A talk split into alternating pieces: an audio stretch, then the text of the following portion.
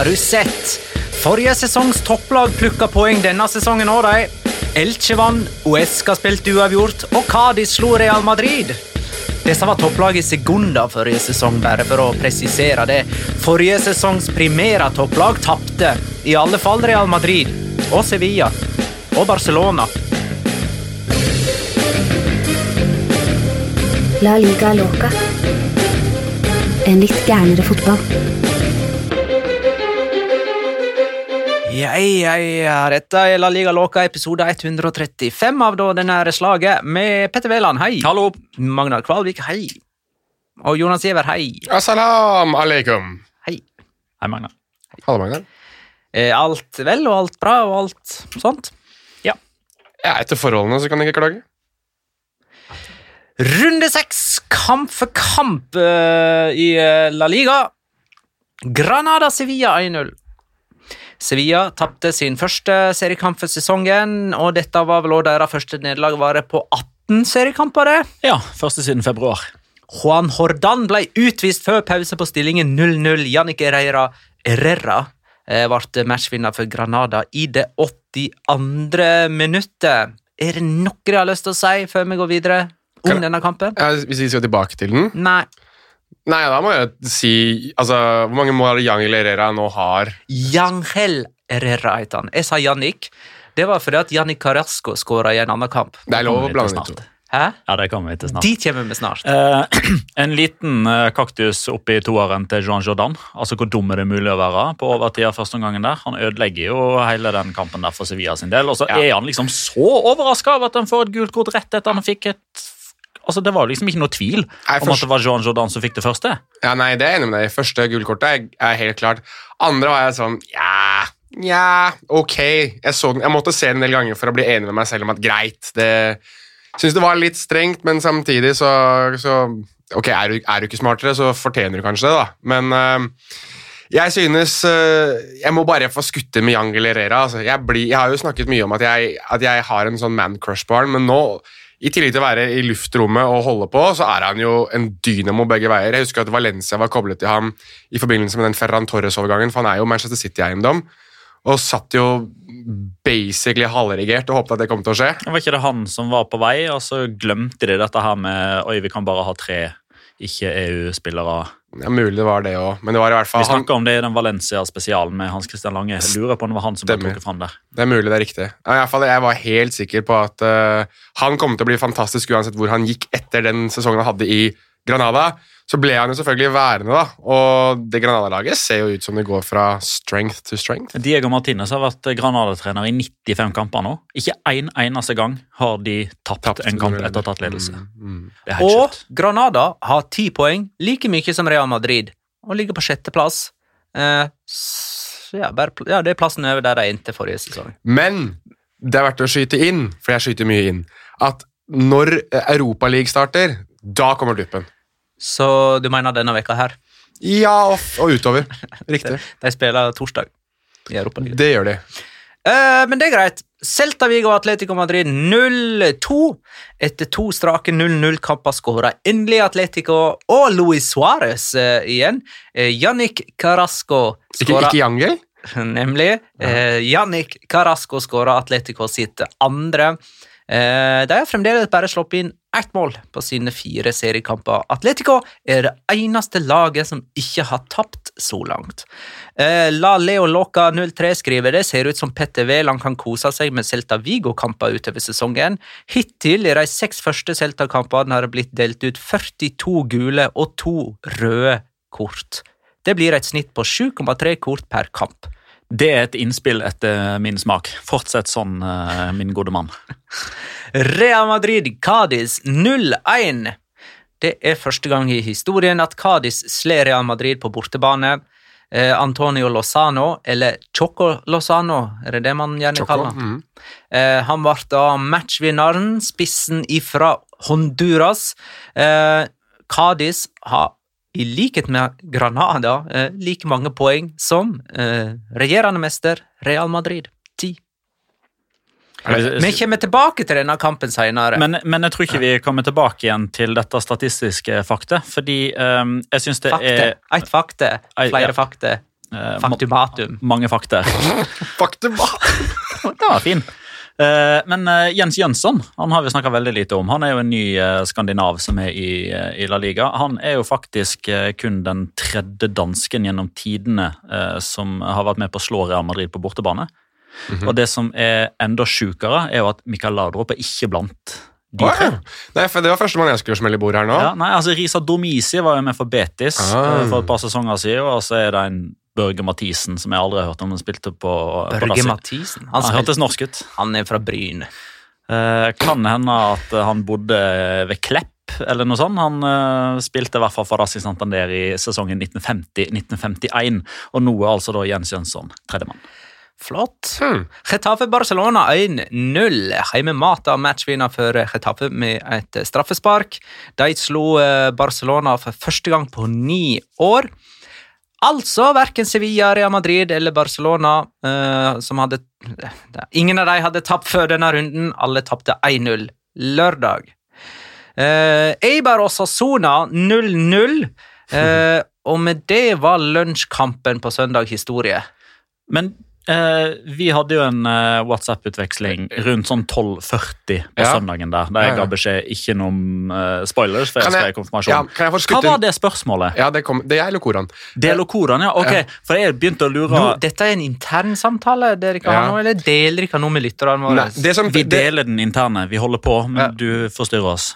Du skjønner, eh, eh, Petter har jo Dette er jo greit lytterne vet, så lytterne, når de møter Petter ute på en lørdag eller søndag og lurer på hvorfor er ikke Petter og ser kamp, ikke si noe om resultatene som skjer den dagen. For hvis du, først, i så fall. ja, for hvis du gjør det, så utloves det fatwa, shariadomstol og steining på deg. Dette her har jeg opplevd. Så vær så snill, ikke si noen resultater på samme dag som Petter er ute og går. Nei, så det som var greia her, da, var at eh, rundt 12.40 Så sa du null spoilers. så sa jeg ikke noe spoilers i dag, for jeg skal i konfirmasjon. Ja. Mm. Eh, og så eh, spør Jonas eh, ok, så du har ikke sett førsteomgangen mellom Eiber og Sassona. Og så sier jeg nei, ok, fordi jeg hadde et spørsmål. Eh, så da kan du lure på hva det spørsmålet var. Når jeg ser kampen. Og jeg har jo sett kampen nå, og jeg lurer på følgende. Hva er spørsmålet du hadde tenkt å stille meg? Hvorfor i helvete gidder vi dette her? Det er eh, Det var ikke det, men det burde ha vært spørsmålet. For det, eh, det er mye kamper altså Man skulle tro at det samtlige hadde, hadde vært på fylla eh, kvelden i forkant, og at de egentlig bare ble tvunget utpå der. Det var en dårlig fotballkamp. Det var en veldig dårlig Men fotballkamp. Men er dette den siste lunsjkampen? Ja. Eh, det blir ikke Hvis flere vi kamper setter grensa på 14.00, så det er, det, er- det, det, det er sein lunsj i så fall. Ja, nei, men nå prøver jeg å oppdatere vårt publikum om de nye avsparktidspunktreglene. Mm. Eh, om at det ikke blir eh, kamper før klokka 14.00 uansett dag. Uansett dag. Og at eh, både fredag- og mandagskamper nå er tillatt, i alle fall til en viss grad. Ikke hver serierunde, kanskje? Nei, hver fredag er det lov. Ja. Eh, men eh, mandag er et, et tak på 20. Det er maks 20 mandagskamper da, i løpet av en sesong. Å ja. Jeg liker den fredagskampen. Jeg, jeg syns det er deilig å starte, starte helga med en altså 21-0-0-kamp fra La Liga. Jeg synes det er dritdigg. De gjør det i Frankrike. Jeg vet at man også har gjort det i Tyskland, så Ja, nå har de begynt med det i Premier League, og det har jo vært sånn i mange år i Spania. Nå er man jo egentlig bare tilbake til normalen, bare at det ikke blir lunsjkamper. Så søndag klokka tolv er det ikke mm, kamper å se i Spania lenger. Den aller siste i historien ble altså Eibar Osasona 0-0. Inntil det innledes på ny igjen. Ja. Atletic Klubb Levante 2-0. Alex Berenger, som Atletic signerte fra Torino nylig, nylig spilte sin første kamp fra start og skåra. Inyaki Williams skåra faktisk òg, for første gang siden mars, selv om han har spilt 7000 kamper på rad. Og 1059 minutter tok det fra forrige scoring til denne, så Og gratulerer han- med dagen. Måtte stokke beina sine for å få den ballen i mål, ja. Der, der, der Den satt ikke, på, den satt ikke klinisk på første touchet. Nei, men og så var vi tilbake til det jeg har sagt er problemet med Inyaki Williams. Da han er spilt igjennom, og han kommer som en panter igjennom. altså Han springer fra det som er, og er alene med keeper og tenker wow, her kommer virkelig den superspissen. Så klarer han å drite seg ut i avslutningsøyeblikket og skyter rett på keeper. Det er det som er Inyaki Williams oppsummert. Fysisk og egentlig teknisk òg, så har han det meste. Men når det kommer til avslutningsteknikk, for å gå noe mer spesifikt inn på det tekniske hans, så er han så drit dårlig. Og det irriterer meg, for at du ser at det, her har du en potensiell verdensklassespiss, Men det er bare, han, han lærer seg ikke å avslutte. Det som er problemet mitt med Inyaki Williams, når du er inne på detaljer på avslutningsegenskaper, det virker som at han aldri får treffpunktet langt nok fram mot tåa. Altså, vanligvis løfte da, ballen, når, Nei, ikke nødvendigvis for å løfte ballen, men for å skru ballen rundt. Ja. Altså, han treffer alltid sånn klink innside. Han får aldri den skruen rundt. Jeg ser poenget ditt. Villarreal Valencia 2-1. Én ting til. En liten uh, tanke til Eitor Fernandes, uh, som mista far sin. Uh, Levante-keeperen som egentlig skulle stå kampen, reiste opp sammen med, med Levante-troppen. Eh, figurerte i den offisielle 23-mannstroppen, men eh, rett før eh, jeg håper si, siste fristen for å melde inn eh, tilgjengelige spillere med tanke på covid-protokoll, eh, så, så klarte han det rett og slett ikke. Eh, så en liten tanke til han. Villarreal Valencia 2-1. Retro Valencia slo det moderne Valencia etter skåringa av bruk-og-kast-spillere som Paco Alcácer og Dani Parejo. Hey, Gonzalo Gede skåra et pent mål for eh, Valencia, så da kan vi glede oss til oktober 2021 når han skårer sitt neste. Det er veldig bra, Magne. Jeg, skrev, det på Twitter, at det er blitt sånn Det er den årlige kanonskåringa til Gonzalo Geders. Den kommer én gang i året. Han brukte opp kvota si nå i en kamp de tapte. Så det Men det er liksom Det er så surt, for det er den derre påminnelsen om at det, det er noe der, men du får ikke se det noen gang enn bare den ene gangen i løpet av en sesong. Jeg skjønner, Det er, det er et sånt eh, studium altså, hvor, hvor dårlig han har blitt etter å ha signert permanent for Valencia. For han var jo den lånesesongen fra PSG, så var han Hvis du ikke regner Cristiano Ronaldo og Lionel Messi, da, som hvis du bare tok de vekk, så var han oppe topp to, topp tre i La Liga den sesongen. Og etter det så er han bånd to, bånd tre, i hvert fall ut ifra forventninger. Vi får snakke mer om denne etterpå. Ja, for Gonzalo Geders er personifiseringen av hele La Liga, vil jeg si. Oi, såpass. Mer om det òg siden. Er det kun ett mål i La Liga i år også? Nei, men uh, typ i snitt. Ja. Alaves Elche 0-2. Eh, Elche har holdt nullen i tre oppgjør på rad og vunnet begge bortekampene sine i Baskeland. Eh, de holder seg ikke fram med den gode rekka si ettersom de skal opp mot Valencia på fredag. Det er vel et Valencia-derby, det, da? Det er et regionsderby, ja. Ja. Det er det. Har de rukket å bygge den statuen av Barganic i, i tide til kampstart? Tror ikke det, altså. Men jeg så faktisk at Juan Sanchez Minho var på banen denne gangen, og jeg kjente jo at jeg ble veldig glad. Ivan Marcone. Ja. Altså, han ser ut til Ja. å eh, Ja, nå skal jeg ikke overselge det her, altså, men den timen han spilte Det var Peremia og Tete Morente som skåra før Elche. Jeg skrev jo etter typ en halvtime, tror jeg, eller noe sånt nå, så skrev, for jeg syns, jeg syns Elche starta den kampen så dårlig, og jeg syns at det er flere ganger hvor de har sett veldig sånn åh, ut i starten av kampene. Jeg tror det var like før Per Emia skåra, så skrev jeg, skrev jeg garanterer Elche rykker ned. Altså, det her går ikke. Selvfølgelig så, Og det samme var det også når jeg skrev i Atletic-kampen rett før eh, Berenguer skårte, at eh, gud, så kjedelig det har blitt å se Atletic så skåret. Så jeg har klart å jinxe veldig mange av disse kampene her til det positive, da. Så hvis Elche og Bragarnik overlever, så tar jeg full ære for det. Uesca Valladolid 2-2. Eh, dette betyr jo at alle nyopprykka lag tok poeng denne runden. Det var bare Uesca som ikke vant. De lå under 2-0, men klarte å komme tilbake, blant annet etter mål av Sandro Ramires. Hans første kamp og skåring for Uesca mot gamleklubben Valladolid, som var helt sikre på at han ikke kunne skåre mål. Real Betis Real Sociedad 0-3. Eh, Real Sociedad er serieleder og dermed helt sjanseløse i neste kamp, som er hjemme mot eh, Uesca. Eh, Alle fem serieledere så langt har jo tapt i den påfølgende kampen. Real Sociedad sine mål ble skåra av Porto, Oyarzabal og Adnan Janusay. Jeg tenkte vi kunne snakke om den etterpå. Kan jeg få skute, skute inn uh, en ting på Westgam mot Violet? For å få litt variasjon i skyta inn. Ja, for jeg får, får så mye tilbakemeldinger på at jeg er glad i å skyte inn ting, og det er jeg. Uh, så det skal jeg fortsette å gjøre.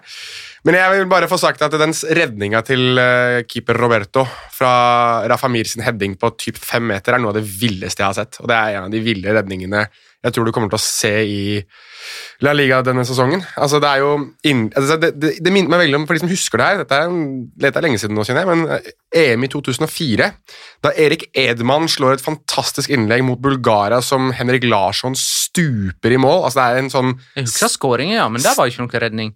Nei, men det var en stilstudie på stupheading, og det hadde jo Rafa Mir her også. Um, forskjellen er bare at Roberto er altså det er en helt vanvittig god redning. og den, Vi kommer ikke til å snakke noe mer om den. Fordi Hvilken kamp er du på nå? Nå er jeg på Wesca Valladolid. Du Ja, du kjapt- der, ja, du gikk så kjapt forbi, så jeg måtte bare ta det Mm. kjapt tilbake. Men du kan gå, gå, videre nå. Jeg ville bare gi Roberto, som eh, står i mål fordi eh, førstekeeperen til Valladolid har hatt en, en, en emblemme eh, tidlig i sesongen. Um, trenger ikke å si noe mer enn det. Ah, nei. Eh, Jeg forstår det sånn at dere igjen har lyst til å snakke om hvor utrolig målfattig La Liga er, så la oss snakke om det. Ikke se på meg, se på han på andre sida. Øystein Sørumshagen skriver Hvorfor renner målet inn i Premier League, men ikke i La Liga? Og her har jo selvfølgelig Øystein da glemt Serie A, for det er jo virkelig der målet renner inn. Av alle de store seriene så er det jo i Italia det blir skåra mest mål. 3,74 per kamp i Serie A. Premier League følger for så vidt hakket etter med 3,72, mens langt nede på den lista finner vi La Liga med 2,25 skåringer per kamp. Ja, Petter, hvorfor er det sånn, da? Eh, Det er faktisk 2,15, så det er enda lavere. Å ja, ok. Jeg brukte nå nummer sju. Det er en bloggsida til Per Jarle Heggelund som kilde, så får vi heller retta kritikken dit, da. Eh, ja, men, nei, men altså, Det hørtes ut som at du ikke var så keen på å snakke om det. Vi kan godt droppe det. Nei, kom igjen, eh, vi har jo et lytterspørsmål her. Okay. Ja. Eh, nei, altså Det kan jo være veldig mange årsaker til dette her. Uh, og vi har dyppa sånn delvis ned i det tidligere. Jeg har jo uttrykt min frustrasjon over hvor mange defensive trenere det er. Mm. Um, så vi trenger liksom ikke å dra så veldig mye videre på det. Men- Også at Cristiano Ronaldo har reist fra La Liga til Serie A. ja. Og at Lionel Messi ikke er motivert lenger. ja, neste tema. Nei, nei, jeg bare, bare Jeg skyter jo inn, jeg. Det er jo det jeg er blitt kjent for her nå. Ja, det det. jeg har trademark på det. Eh, men litt sånn i forlengelse av at det er ganske mange defensiv, eh, defensivt anlagt fotballtrenere, eh, så syns jeg det hadde vært artig å diskutere litt og høre litt hva dere òg syns. Fordi når jeg ser fotballkamper fra La Liga nå, eh, så er det ikke så veldig mye i banespillet, syns jeg, som skulle tilsi at det skulle være så veldig få mål. Altså Når jeg setter meg ned og ser en La Liga-kamp nå, så er det det den, den, den store forskjellen er at det ikke blir skåra mål, men jeg klarer ikke å se noen klare tendenser i spillestilen. Nei. Annet enn at det, i, i forlengelsen av eh, disse koronatidene som vi er inne i, med at det spilles for tomme tribuner, så er jo hjemmebanefordelen mindre. Eh, altså det er færre hjemmeseiere enn det pleier å være. Eh, og det har man jo forklart med at eh, man har ikke lenger den støtten på, på eget gress med egne fans som sitter der, og bortelagene slipper kanskje skuldrene ned litt. Grann. De føler ikke det presset, og de blir ikke hetsa og, og you name it. Men det er jo òg tilfellet i England og i Italia og i Tyskland og i Frankrike, der trenden er motsatt. Der skåres det flere mål når det ikke er folk på tribunen, så det kan jo ikke være det.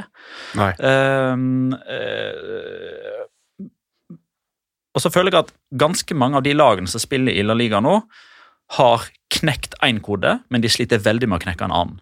Den de har knekt, er å spille på bortebane. Å ha en litt sånn defensiv, forsiktig tilnærming til kampen. Eh, de ser på uavgjort på, på bortebane som en ok resultat i utgangspunktet, så de tar ikke så veldig mye risiko. De går gjerne bare med den ene bekken. Eh, de, de har ikke noe referansepunkt der framme som gjør at eh, kamptaktikken blir deretter, mens ditto, da La oss ta et helt vilkårlig eksempel, da, eller Retafe, Kadis, Elche. Det er ganske mange eksempler på dette her, som klarer dette her med å lukke fotballkamper på bortebane, men så klarer de ikke å åpne de på hjemmebane. Ja, sånn, Fordi man har fortsatt en forventning når man setter seg ned og, og, og, og ser på en fotballkamp.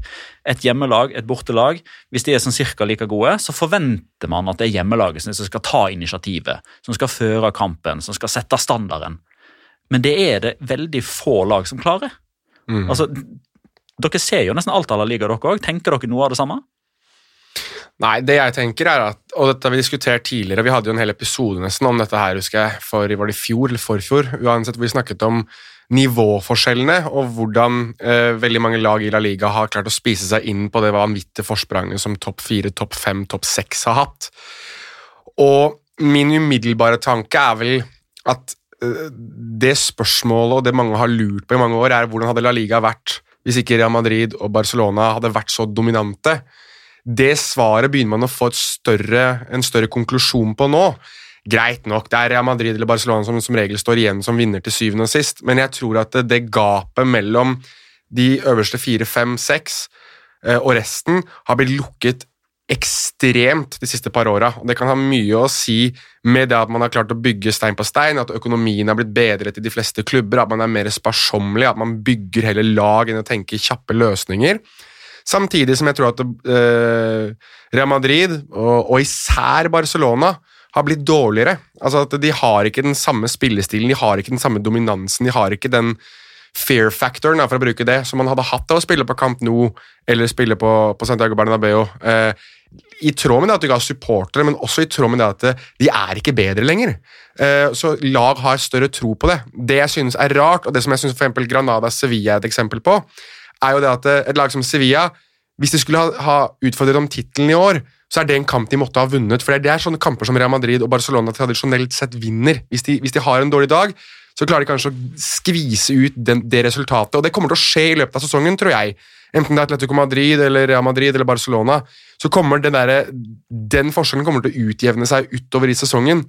Men jeg tror at det du ser nå, er det at på, på generelt grunnlag så er det, er det, mye mindre distanse mellom de virkelig virkelig store lagene og de som kommer etter. Det, det er jeg helt enig i, eh, men jeg, jeg, jeg, klarer fortsatt ikke å rettferdiggjøre eller forklare at Granada Sevilla ender 1-0, at Eibar og Sassona ender 0-0, ja, at Alaves Elche ender 0-0 fordi Real Madrid og Barcelona blir dårligere. Ja, men det er det, du, det, er det du sa i stad, at du, du, snakker om at lag er blitt mer Um, jeg tenker at Pragmatikken er mye større i La Liga nå enn det har vært tidligere. At du har trenere som tenker mer pragmatisk, som tenker forsvar først. Altså, for å ta Alvaro Servera da, som et eksempel, altså Kadis-trener, han sier jo selv at han, han, får så mye kritikk for å være negativ og for å ha en defensiv tilnærming. Han sa at det, det er ikke noe gærent i å ha en solid defensiv struktur.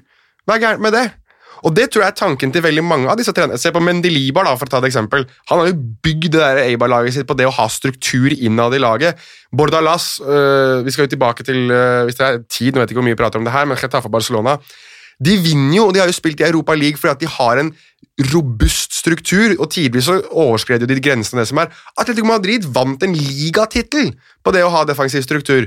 Så jeg tror at det man ser, er at lag skjønner at de kan kanskje ikke vinne på det å skåre flere mål, men at hvis de får det ene målet og er mer strukturert og defensivt orientert enn det veldig mange andre lag er, så vinner de kamper. Litt slik man i sin tid hadde i Serie A. Man tenkte at i Serie A så er det 1-0, så er kampen over.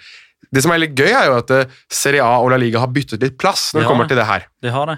Eh, og En annen ting, en annen statistikk som jeg har bitt meg merke i, som jeg har tatt fra Oppda, de kom med tall eh, tidligere i dag, var egentlig det som gjorde at jeg tenkte sånn Oi, shit. Det er jo antall målsjanser i snitt per spilte kamp ja. i topp fem-ligaene. Der er det òg Serie A som topper, med 19,4 målsjanser per kamp. Eh, inkluderer det skåringa? Ja. Mm -hmm. eh, Bundesliga 18,5.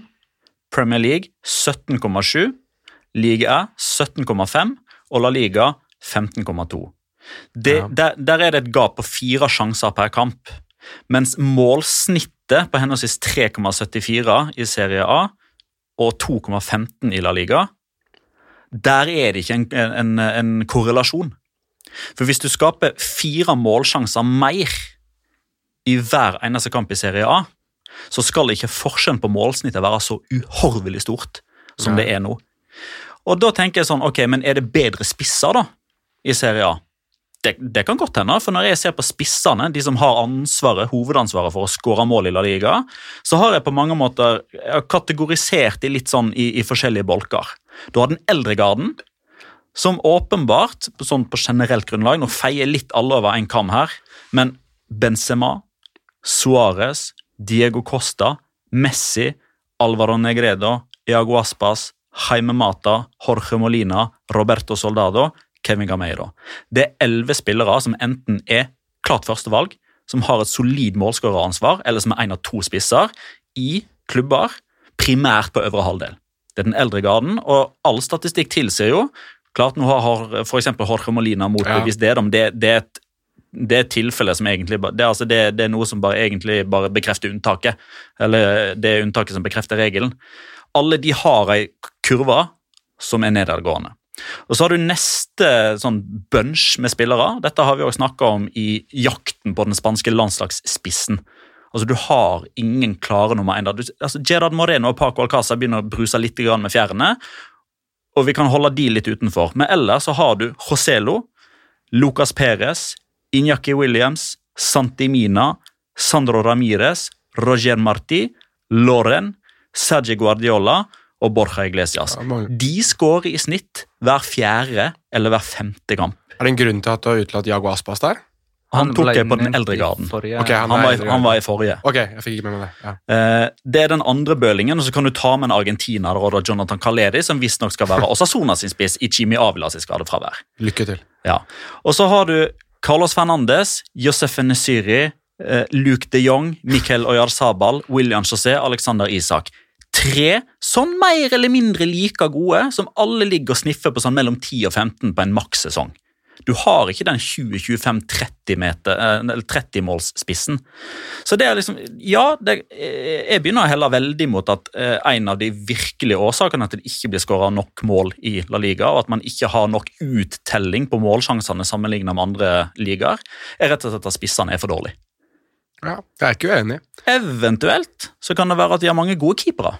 For det er en veldig mye høyere sånn øh, altså, Det er egentlig nyanseforskjell. Altså, Forskjellen i antall redninger som La Liga-keeperne har, kontra Serie A Premier League, den, den ser ikke så veldig stor ut med det blotte øyet. Det kan variere fra mellom eh, la oss si, mellom 65 og 75% innenfor der ligger de aller fleste keepere. Sånn Med det blotte øyet så skal liksom ikke det være noen sånn kjempeforskjell, men i løpet av en sesong en forskjell på en keeper som da tar 70% av skuddene som kommer mot, kontra 80. Det utgjør veldig Ja, ja. mange mål i løpet av en sesong. Det kan være en, eh, en faktor. Eh, og så syns jeg egentlig at det som dette blir veldig, veldig mye negativt, naturligvis, fordi fotball eh, Ja, blir, forbi, blir forbundet med mål og underholdning osv. Men skal vi være ærlige, la- før, før du går videre, skal vi være helt ærlige. Vi har snakket om det utenfor eh, det studioet her. Vi har vært enige om at det er veldig mange kamper i ligaen som vi har sagt at det er ikke like gøy å se på hele tiden. ass. Ja, ja, absolutt. Ja. Fordi mål preger Mål- fotballkamper, og mål er gøy, Ja. osv.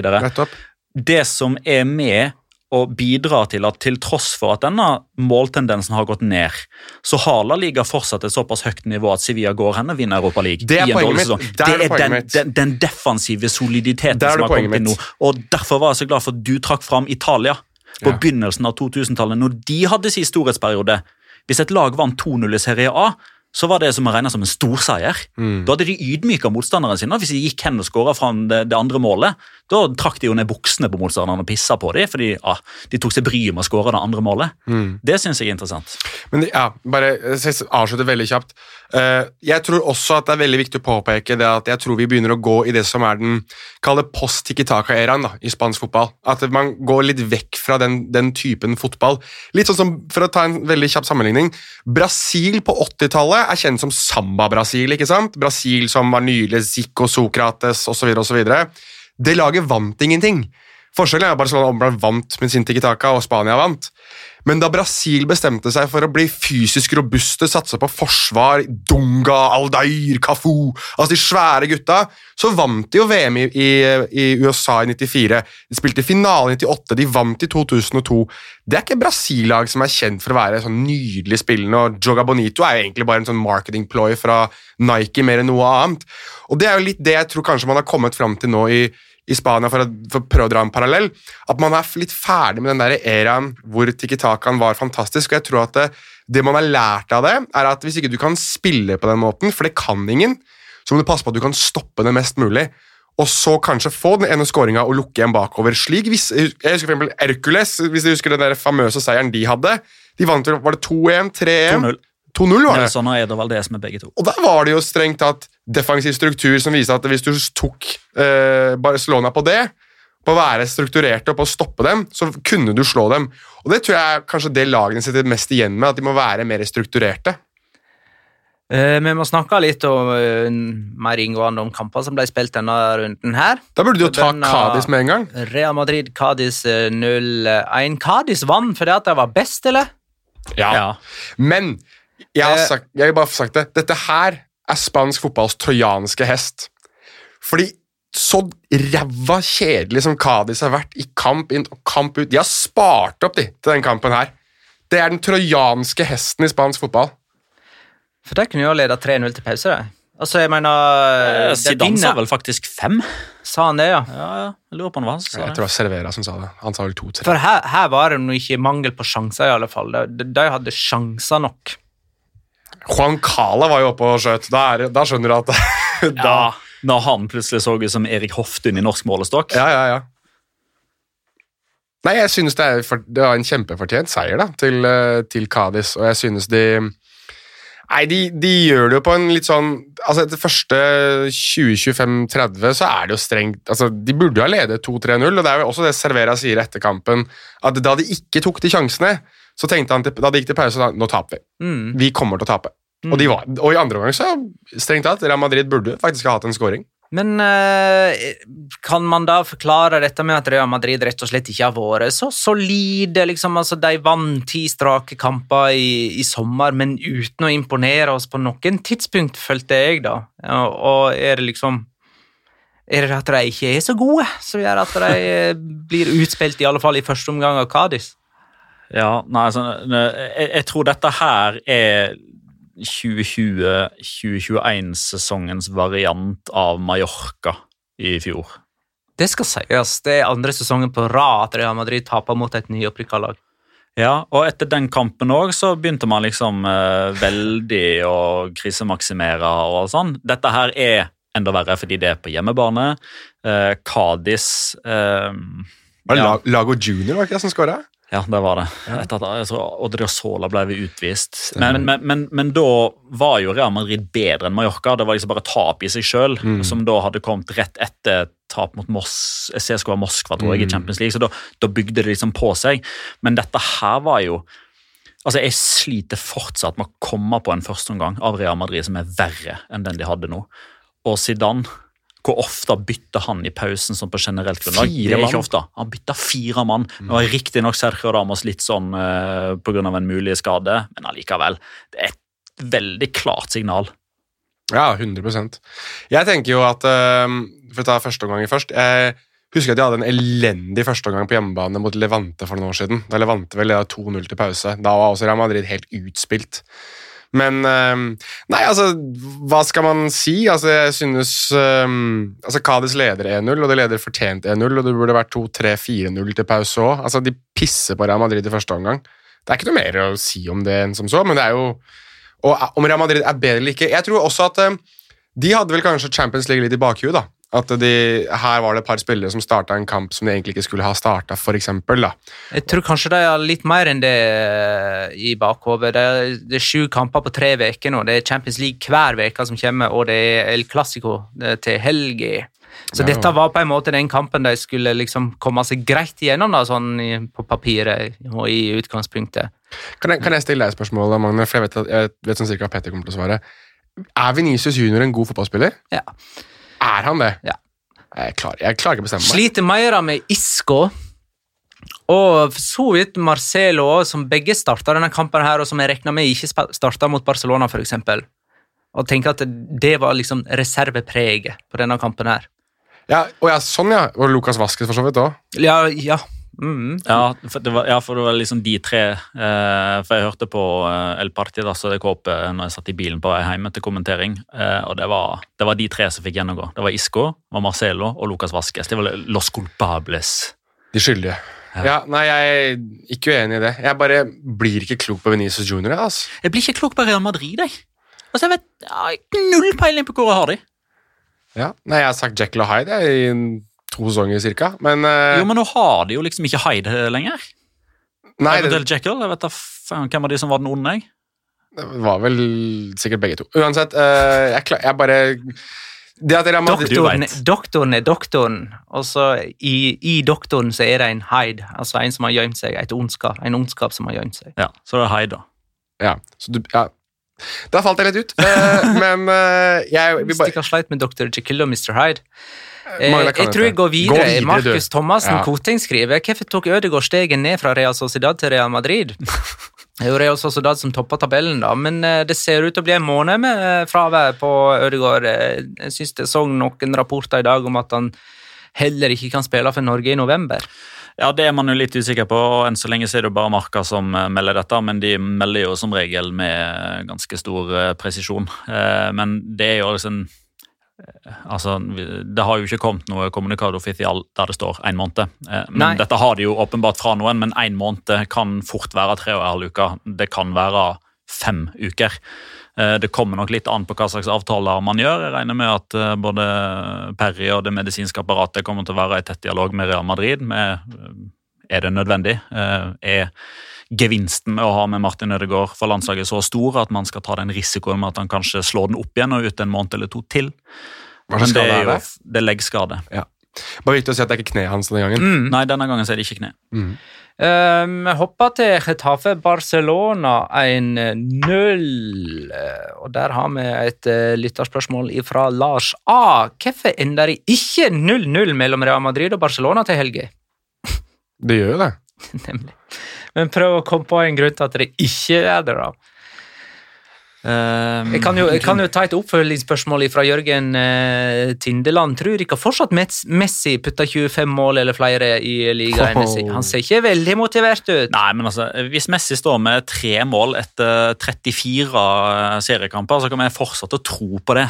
Jo, men der, der sier jeg det samme som jeg alltid har gjort. Altså, Dra det gjerne fram til spott og spe når sesongen er ferdig, men jeg må jo stå med tipset mitt. Hvor mange kamper var det Ansu Fati spilte i fjor, Petter? Jeg har ikke hørt om han siden den i august 2019. jeg. Nei, det var ikke det, nei. nei, nei. Det er kanskje han da som er grunnen til hvorfor det ikke ender 0-0 eh, i eh, El Clásico. Det hadde jo vært litt gøy da, hvis Ansu Fati på en måte Sånn som Messi i sin tid da, gjorde seg til en form for El Clásico-legende ved å Messi hadde vel riktignok et hat trick som 18-åring vel i klassiko. Jeg vet ikke om Ansofat som 17-åring klarer det, men det hadde, det hadde vært litt for vilt. Men eh, Real Madrid sleit jo i det hele tatt med å skape sjanser mot eh, Cádiz. Det var jo ikke sånn at de eh, brant noen eh, bøttevis med sånn gigasjanser. Hvordan var det med Barcelona mot Getafe? Sleit de like mye? Et skudd på mål hadde vi. Ja, altså Gené som eh, rolig klarerte ballen i egen Det- tverrlegger for å unngå corner imot. Det var sånn, bare slapp av, her har jeg stålkontroll. Og det verste er at jeg tror en av de få forsvarsspillerne i La Liga jeg tror jeg hadde stolt på, hvis han hadde sagt det, er Jened Dakonam. Han er så vilt, han hadde sikkert prøvd noe sånt. Han og Erik Bailly ved siden av hverandre hadde vært så gøy, det. i løpet av en sesong. Oh my god. Ja. Kjent seier til Getafe, da. Nei, Det er jo egentlig bare en lyd som oppsummerer hele Chetaffe, og det er Håkon Eden Christiansen spør er Allan Njom La Ligas fremste representant for shithousery. Han og Damian Suárez er eh, helt der oppe sammen. Og de, og de spiller på samme side. Det er henholdsvis høyrebekken og høyrekanten. Ja. Altså Damian Suárez er bekk, Allan Njom er kant. Det er Men de hva var den greia han hadde med eh, Ronald Koeman? Han, eh, det syns jeg var så Altså, gøy. det, det som har, altså, man har jo ikke kommet til bunns i hva som har skjedd, med mindre det har kommet rapport nå den siste timen. Uh, men det som skal ha skjedd, var jo at Koman var uh, indignert, kan man vel nesten si, Uh, da han sto og snakka med José Bordalas. De var jo eh, litt sånn i tottene på hverandre underveis, som alle alle motstandertrenere er når José Bordalas står på motsatt side.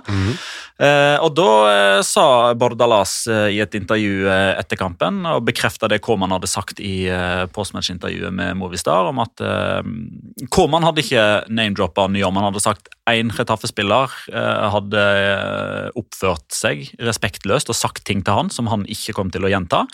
Eh, og at han hadde sagt det til Retafe-treneren. og Da hadde visstnok Bordalas hinta frampå med er det, er det Nyom du snakker om. Eh, derfor kom navnet til Nyom eh, opp, eh, og Bordalas gjør jo det enhver trener ville ha gjort. da, Han går Automatisk i forsvarsposisjon og kaller da Nyom for den mest respektfulle personen eller fotballspilleren han vet om. Han kunne liksom ikke se for seg at han hadde gjort noe sånn. Eh, Vi som har sett Retafe spille fotball, vet at eh, Nyom, verktøykasse, størrelse extra large hva angår triks for å vinne fotballkamper. Jeg synes Det morsomste der er jo etter kampen, når Ronald Koeman står og prøver å nesten sånn halvveis skjeller ut Bordalas for at han lar en sånn spiller være på, på banen, og Bordalas egentlig bare står og nikker og smiler og vel egentlig sier ganske klart ok mate til eh, Ronald Koeman. Men dette, altså Allan Nyom det er jo samme mann eh, som gikk eh, viralt pga. Uh, Ryan Babel eh, etter Retafe Ajax, der han jo eh, ligger og spreller egentlig som en, eh, som en fisk på land. eh, I et forsøk på å få oppmerksomheten til dommeren og overspiller skal gjøre ting mer alvorlig enn hva det som egentlig har skjedd. Og Ryan Babel kaster Der seg etter. Ryan Babel eh, gjør det samme. Eh, og, og ruller rundt et par ganger. og eh, ja, Han eh, etterligner Allan Nyom, da. Eh, og Allan Nyom er jo òg eh, den spilleren som eh, har eh, flest views på El Dia Despoes sine reportasjer denne sesongen. El Dia Despoes er jo det samme som typ Match of the Day i England. og Det Fotball Ekstra var eh, Matchball mandag, gjerne, som kommer med sånn skråblikk på serierunden. Og Der er det jo da et kamera som i, i forkant av Retafe sin hjemmekamp mot jeg tror det er Real Betis, da har et kamera på Allan Jom før kamp, under oppvarming, underveis og etter kamp. Og det er så mye sprell og fakter og ting og tang. Så bare gå inn og se den. El Dia Despoes, Allan Jom på YouTube. Disko-Leila spør hva tunge skuldre har Dembélé og Antoine Griezmann? Dembélé starta sin første kamp på Hvor lenge blir det, da? Siden før Kristus. Eh, jeg har seriekamp november i fjor. Ja, det er ikke lenger, nei. Nesten et år, da, man. Nesten et år. Mm. Ja. Altså, Det- Dembélé. Jeg gitt, bare for å ta han, da. Altså, han for så vidt må man nesten bare gi litt tid, tror jeg. Litt, for Han har vært så mye skada, det har vært så mye rundt han og på overgangsvinduet. Men Antoine Griezmann Nå spilte han spiss i tillegg Ja, gjorde han det nå? Jo. Var ikke det eh, sånn at Messi nesten hadde ei fri rolle på høyre side nå, sånn Ja. som han hadde i gode gamle dager? Nå er Griezmann spiss, og da er liksom den rollen som man har tenkt at eh, det er den han skulle ta nå som Luis Suárez var borte. Ja, han ser fortsatt dårlig ut, altså. Han ser ikke ut som han får det til i det hele tatt. Så blir det, så blir det ekstra uh, rart og egentlig litt sånn uh, alarmerende når man ser hvor god han er for Frankrike. Bare noen dager i forveien. Ja, og var det ikke han som slang ut en kommentar om at Deschamps vet hvordan han skal benytte seg av meg, eller vet hvordan han skal bruke meg, som er igjen da et skudd mot Ronald Koeman. Som sa at Grismann kom til å bli bedre hvis han bare ble brukt riktig. Ja, riktig. Ja. Eh, litt sånn uh, roteringpreg eh, på Barcelona òg, da. De har jo det samme programmet som, eh, som eh, Real Madrid, eh, og har jo et møte med Ferencvaros i eh, Champions League. Allerede tirsdag kveld så enda litt mindre hviletid, eh, og jeg så jo eh, Altså, Pedri får jo starta her i en slags tierrolle bak spissen. 17 år gammel, eh, gjorde han noe inntrykk? Ja, det var lyspunktet, det. Mm. Mm. Ja, det eneste, vel, egentlig. Syns han var veldig, virker veldig spennende. Jeg synes både han og, og Har jeg blitt enige om at det er Trincao nå? Det er ikke Ja. Trincao, det er Trincao. ja. Ja, det mener jeg. Jeg syns de to er eh, kanskje de to eneste lyspunktene for eh, Barcelona så langt denne sesongen, samtidig med Ansu Fati. Da. Men eh, jeg synes hvis, vi, har, vi har fått mye, mye pepper for dårlig rekruttering i Barcelona, men der tror jeg de har funnet to utrolig spennende spillere for framtiden.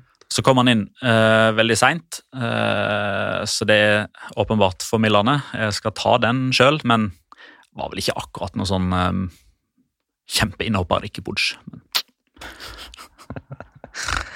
Det der er jo det der, La det, meg det, la meg få klamre meg til den det så lenge jeg Petter har mot Ricky Pudge, det det Jonas har mot Alvaro Morata. Liksom. Nei, vet du hva? Jeg skulle, jeg skulle, jeg skulle akkurat til å si at uh, hvis, hvis Petter holder på med det her, den føljetongen her, så må du snart gjøre noe sånn derre La Liga eh, presenterer Fokus på ikke Push. Sånn som vi hadde om Nordin Amrabat for uh, mange herrens år siden. Denne sesongens Nordin Amrabat. Ja, det er ikke langt ifra nå. Vi må snakke litt om uh, Villarreal Valencia, da, som endte 2-1 til Viareal, Villarreal med en bråte vrakgods fra Valencia.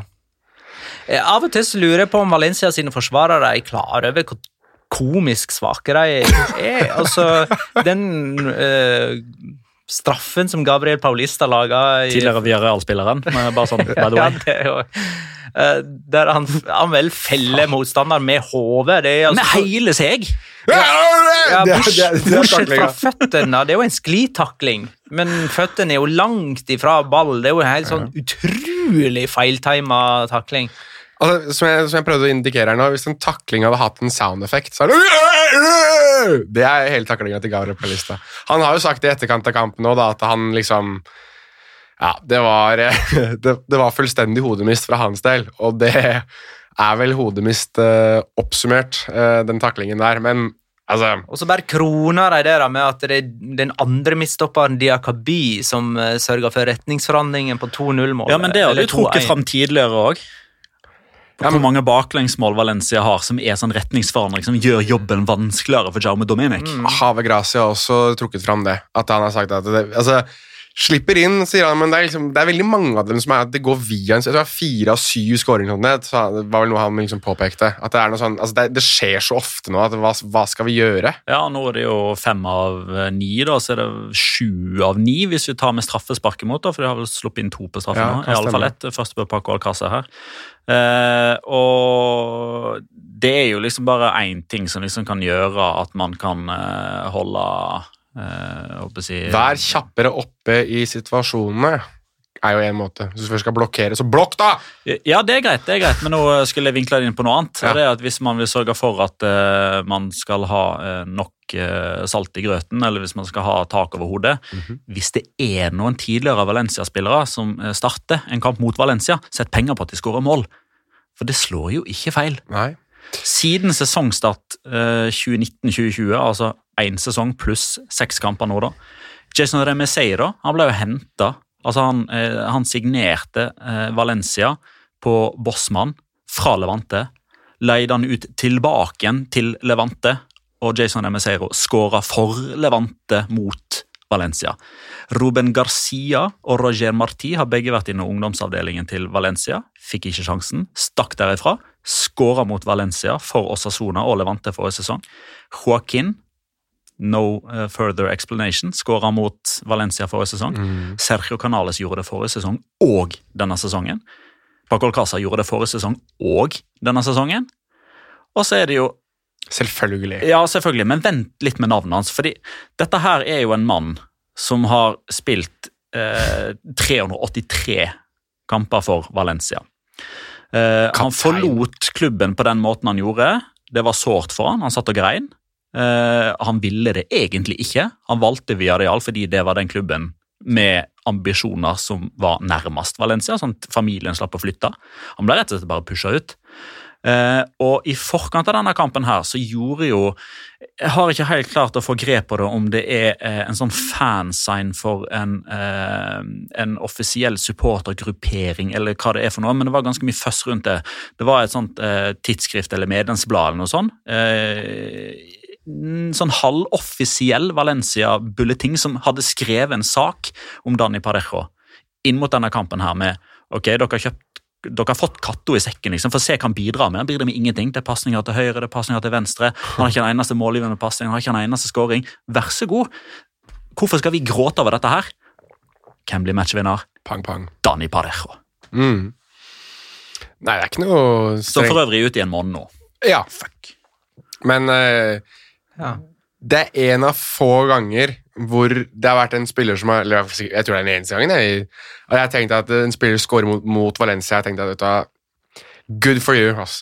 Sånn seriøst, feir den skåringa her. Han gjorde jo ikke det. Han, han, tenk, han, han tenkte på deg. Ja, det var helt sikkert det. Og Hans Christian Lange og Mathias Jøllo og resten av Chris folket. Robin Eriksen. Ja, ja, alle sammen. Nei, altså men jeg, jeg tenkte da han skåra Feir, gå fullstendig bananas. For Hvis det er en spiller som fortjener det mot gamleklubben, så er det han. altså. For han eh, gjorde alltid sin makt for å prøve å bli værende det som var òg, og ble kasta på dør, rett og slett. Villarreal er jo eh, har elleve poeng. Det er like mange som serieleder eh, Real Sociedad. Stopper nå, Magnar, for nå rykker de ned. Ja, det er dette som er soveputa deres. Mhm. Nå tror de at de er gode.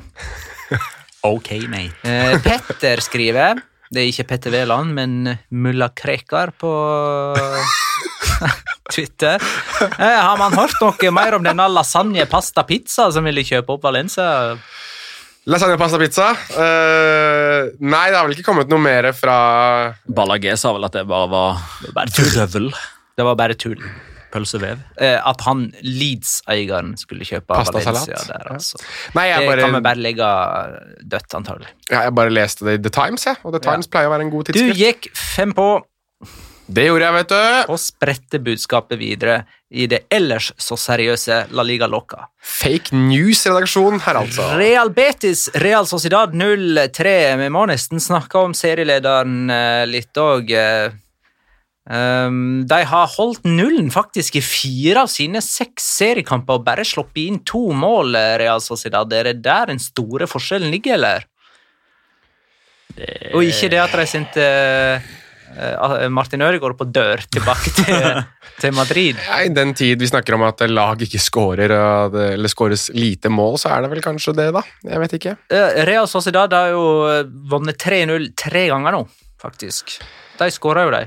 Ja, de scorer, men det er ingen som scorer mot dem, Det er vel det som var poenget. Ja. Um, nei, jeg Der Det er lag jeg ikke helt sånn klarer å la meg overbevise av, litt fordi jeg, vi har sett for veldig kort tid siden hvor dårlige de også kan være. Um, så jeg vet, jeg vet at jeg har fått en del spørsmål om dem, om spillere, altså Subimendi, Gorosabel, Subeldia osv., og, så videre, og hvor, hvor om de kan liksom ta det steget opp og bli veldig veldig gode og kanskje bære dette laget. Det er jo Jossu da, som Ja. påpeker at Xabi Alonso har skulert Martin uh, Subimendi. Ja.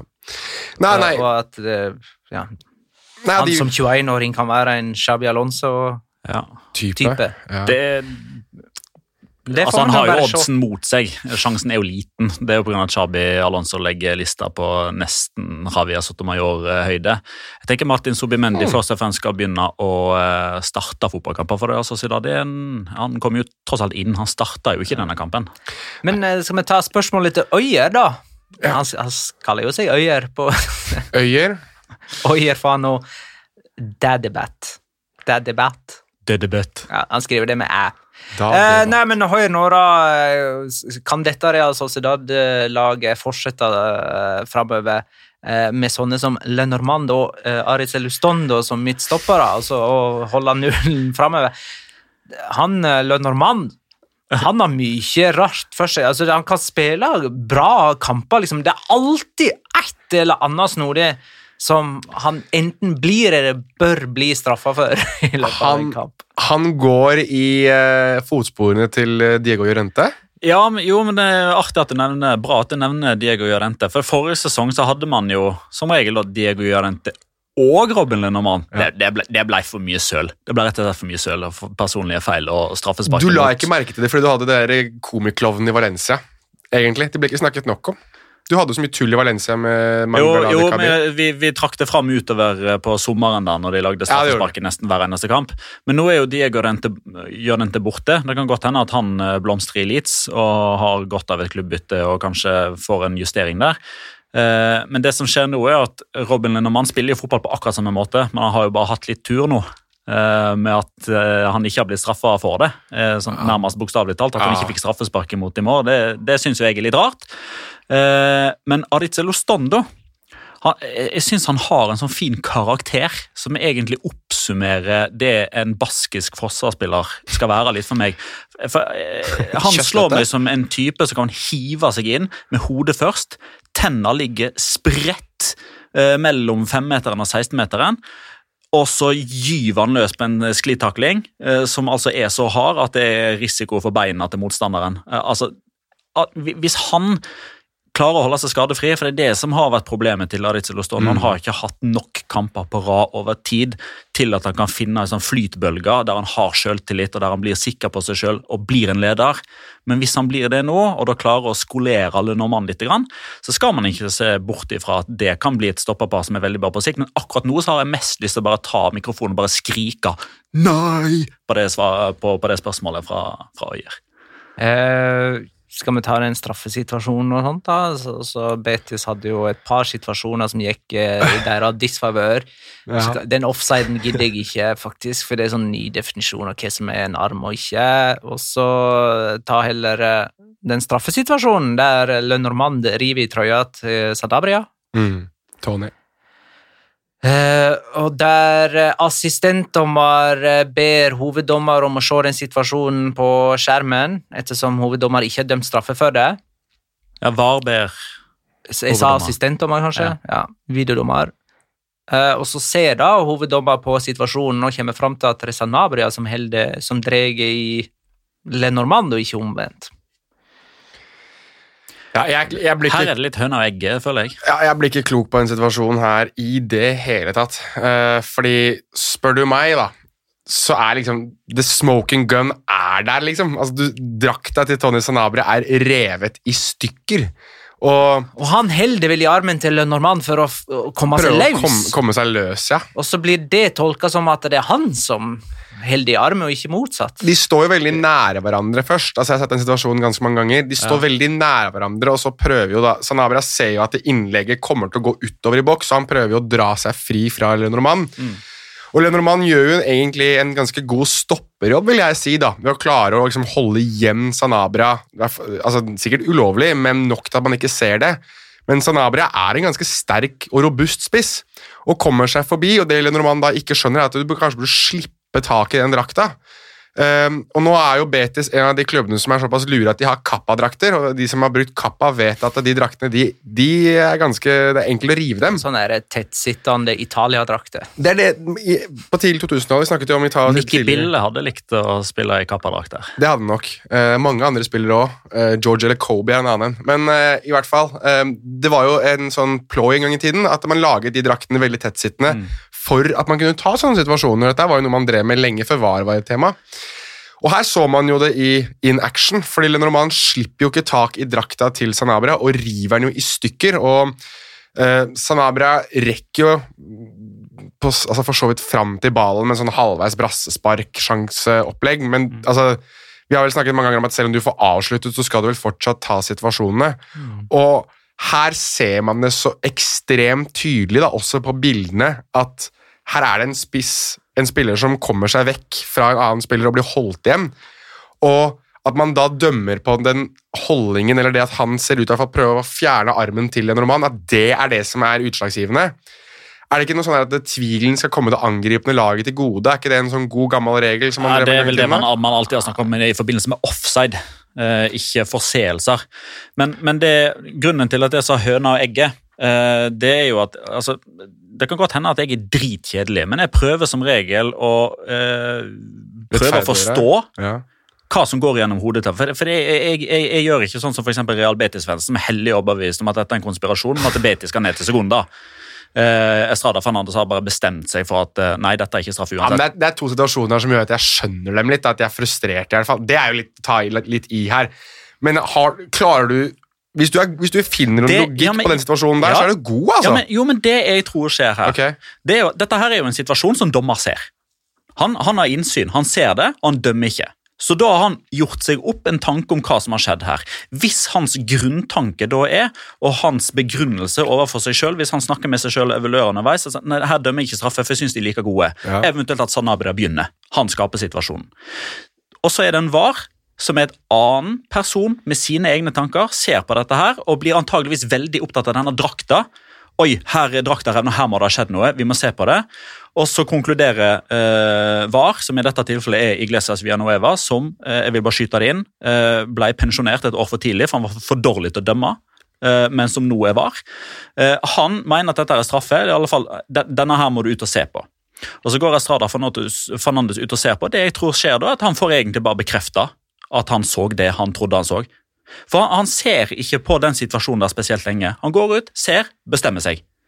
Og det han ser, er jo det han mener at han òg så første gangen, at Tony Sanabria holder enten først, eller er den som oppsøker situasjonen. Det er han som oppsøker Robin Lindermann.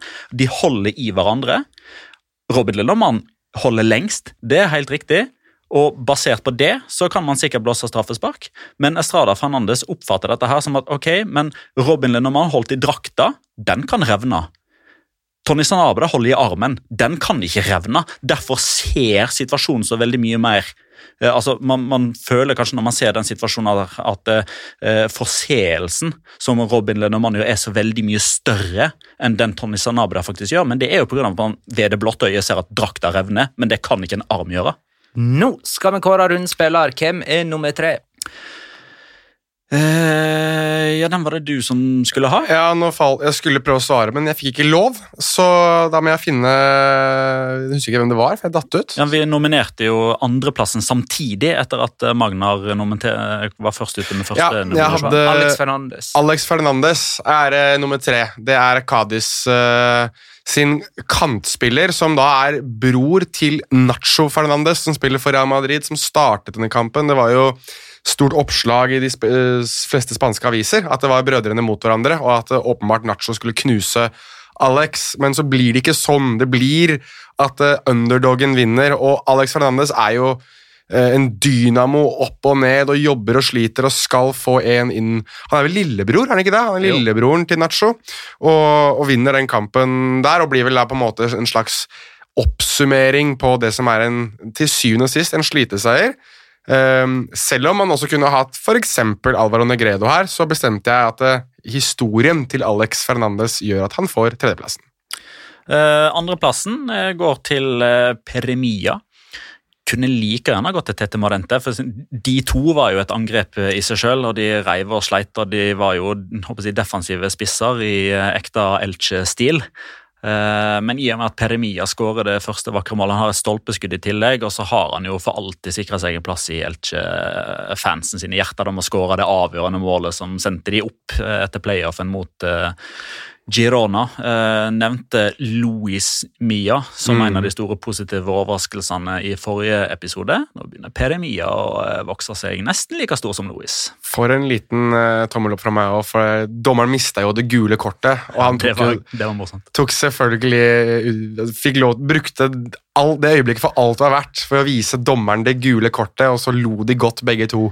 Og da er det bra dommeren at han også så humoren i det, istedenfor å bli sur, slik jeg vet mange andre dommere hadde blitt. Og rundenspiller er nominert av Valencia-supporter Chris Robin Eriksen, som eh, helt åpenbart savna Dani Parejo.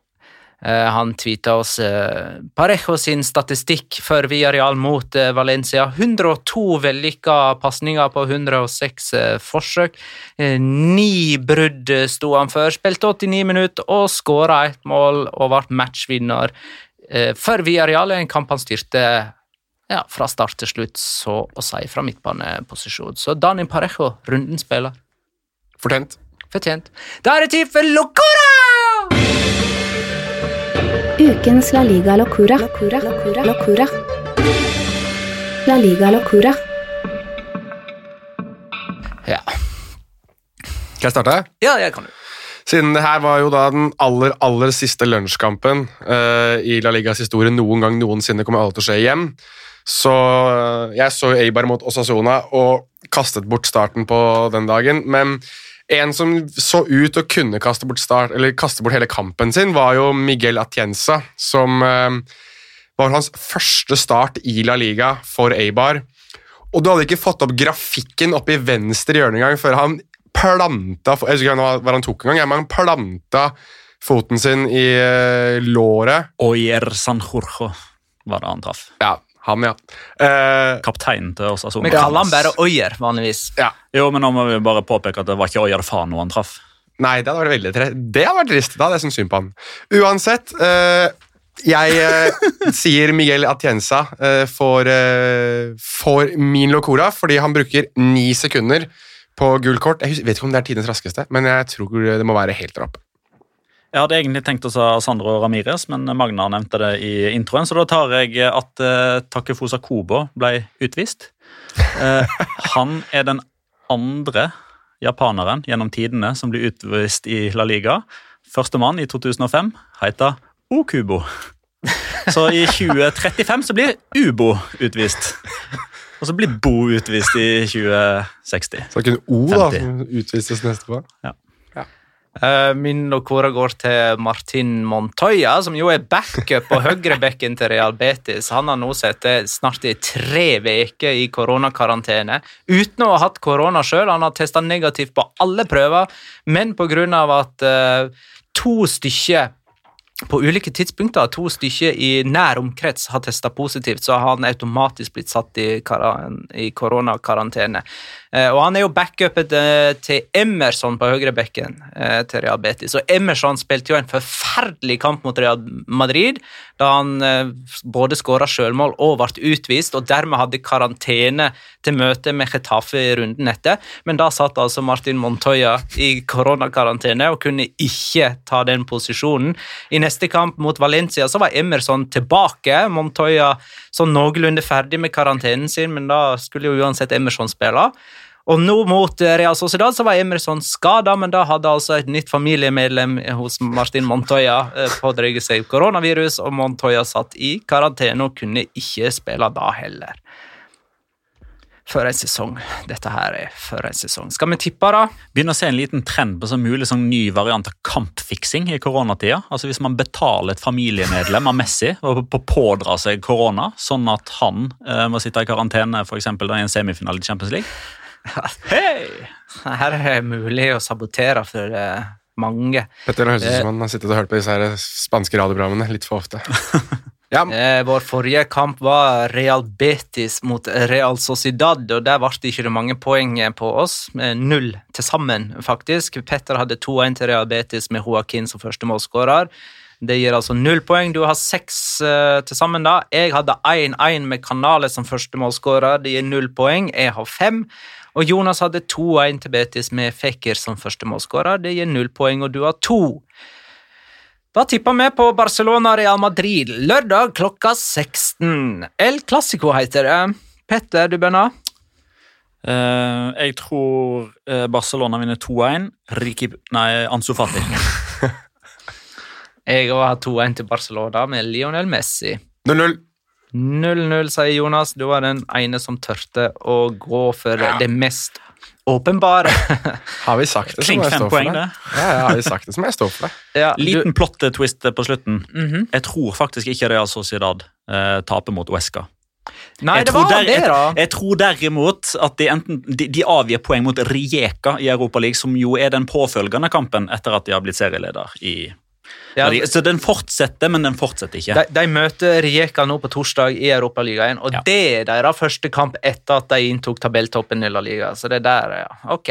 Ja, men da har vi det på stell. Tusen takk for alle spørsmål og innspill. Ah, pokker. Nå har, time og sju minutter uti. ja, nå Ja, har, ja, ja, Greit. da har vi hatt lyttere i en time og sju minutter. Go. Vi har jo hatt en uh, draktkonkurranse uh, der vi fikk til sammen 301 svar. Mangala skulle skrive hvilken drakt du vil ha. Til dere som har skrevet Nigeria-drakter og Manchester United-drakter og sånn, glem det. Eh, den som vant, etter å ha kjørt alle navnene gjennom en randomizer, som tok meg litt flere minutter enn jeg håpet, så er det Håkon Wæler som eh, er den som er den heldige vinneren. Han vinner da en Barcelona-bortedrakt, størrelse M med Frenkie de Jong på ryggen. Så da må du åpne opp DM-ene dine, og så kommer enten Jonas Giæver-kontoen eller La Liga- Loca-kontoen til, til å ta kontakt. Bortedrakt, er det en rosa? Eller er det ei tredje drakt? Jeg har, litt, jeg har best litt oversikt over Ja, jeg mange håper hans drakter alle klubber, lag, klubber har nå. Jeg håper ikke det er den der grusomme rosa drakta, men hvis han vil ha den, skal han få den. Men fin eh, nok, da. jeg tror det er den svarte, altså. Den er fin. Den er ordentlig okay. fin.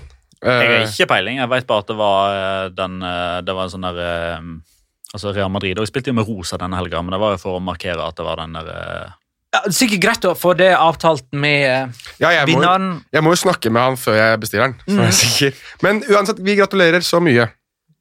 Eller jeg gjør det. Gratulerer med ny eh, drakt. Takk for alle innspill og spørsmål fra våre kjære lyttere. Tusen takk for at du lytta, kjære lytter. Ha det, da.